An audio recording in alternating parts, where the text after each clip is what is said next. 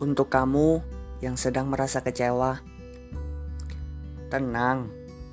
Kamu sedang bersama jutaan orang yang ada di dunia ini yang merasa kecewa juga. Kamu kecewa itu memang wajar karena kamu manusia yang memiliki perasaan. Memang di dunia ini kita harus pintar memilah mana yang baik dan mana yang buruk. Kita diajarkan untuk membatasi diri agar tidak terlalu dekat dan tidak terlalu jauh. Sedang-sedang saja. Terkadang apa yang jadi ekspektasi tidak sesuai dengan realitanya. Dunia ini terus berjalan.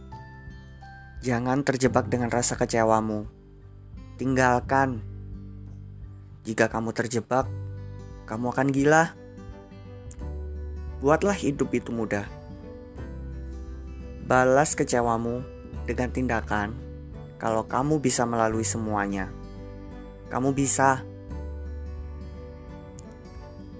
Menangis karena kecewa tidak menyelesaikan semuanya. Amarah karena kecewa juga tidak akan ada habisnya.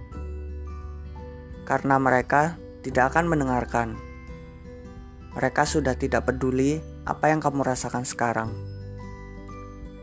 Lakukan apa yang ingin kamu lakukan untuk kebaikanmu sendiri, bukan untuk orang lain. Jangan diam dan meratapi kekecewaanmu. Bangkitlah. Esok ada hari yang baik lagi daripada hari ini. Berjalanlah dengan tegap dan optimis kalau kamu bisa melalui semuanya. Tunjukkan kepada mereka kalau kamu bisa.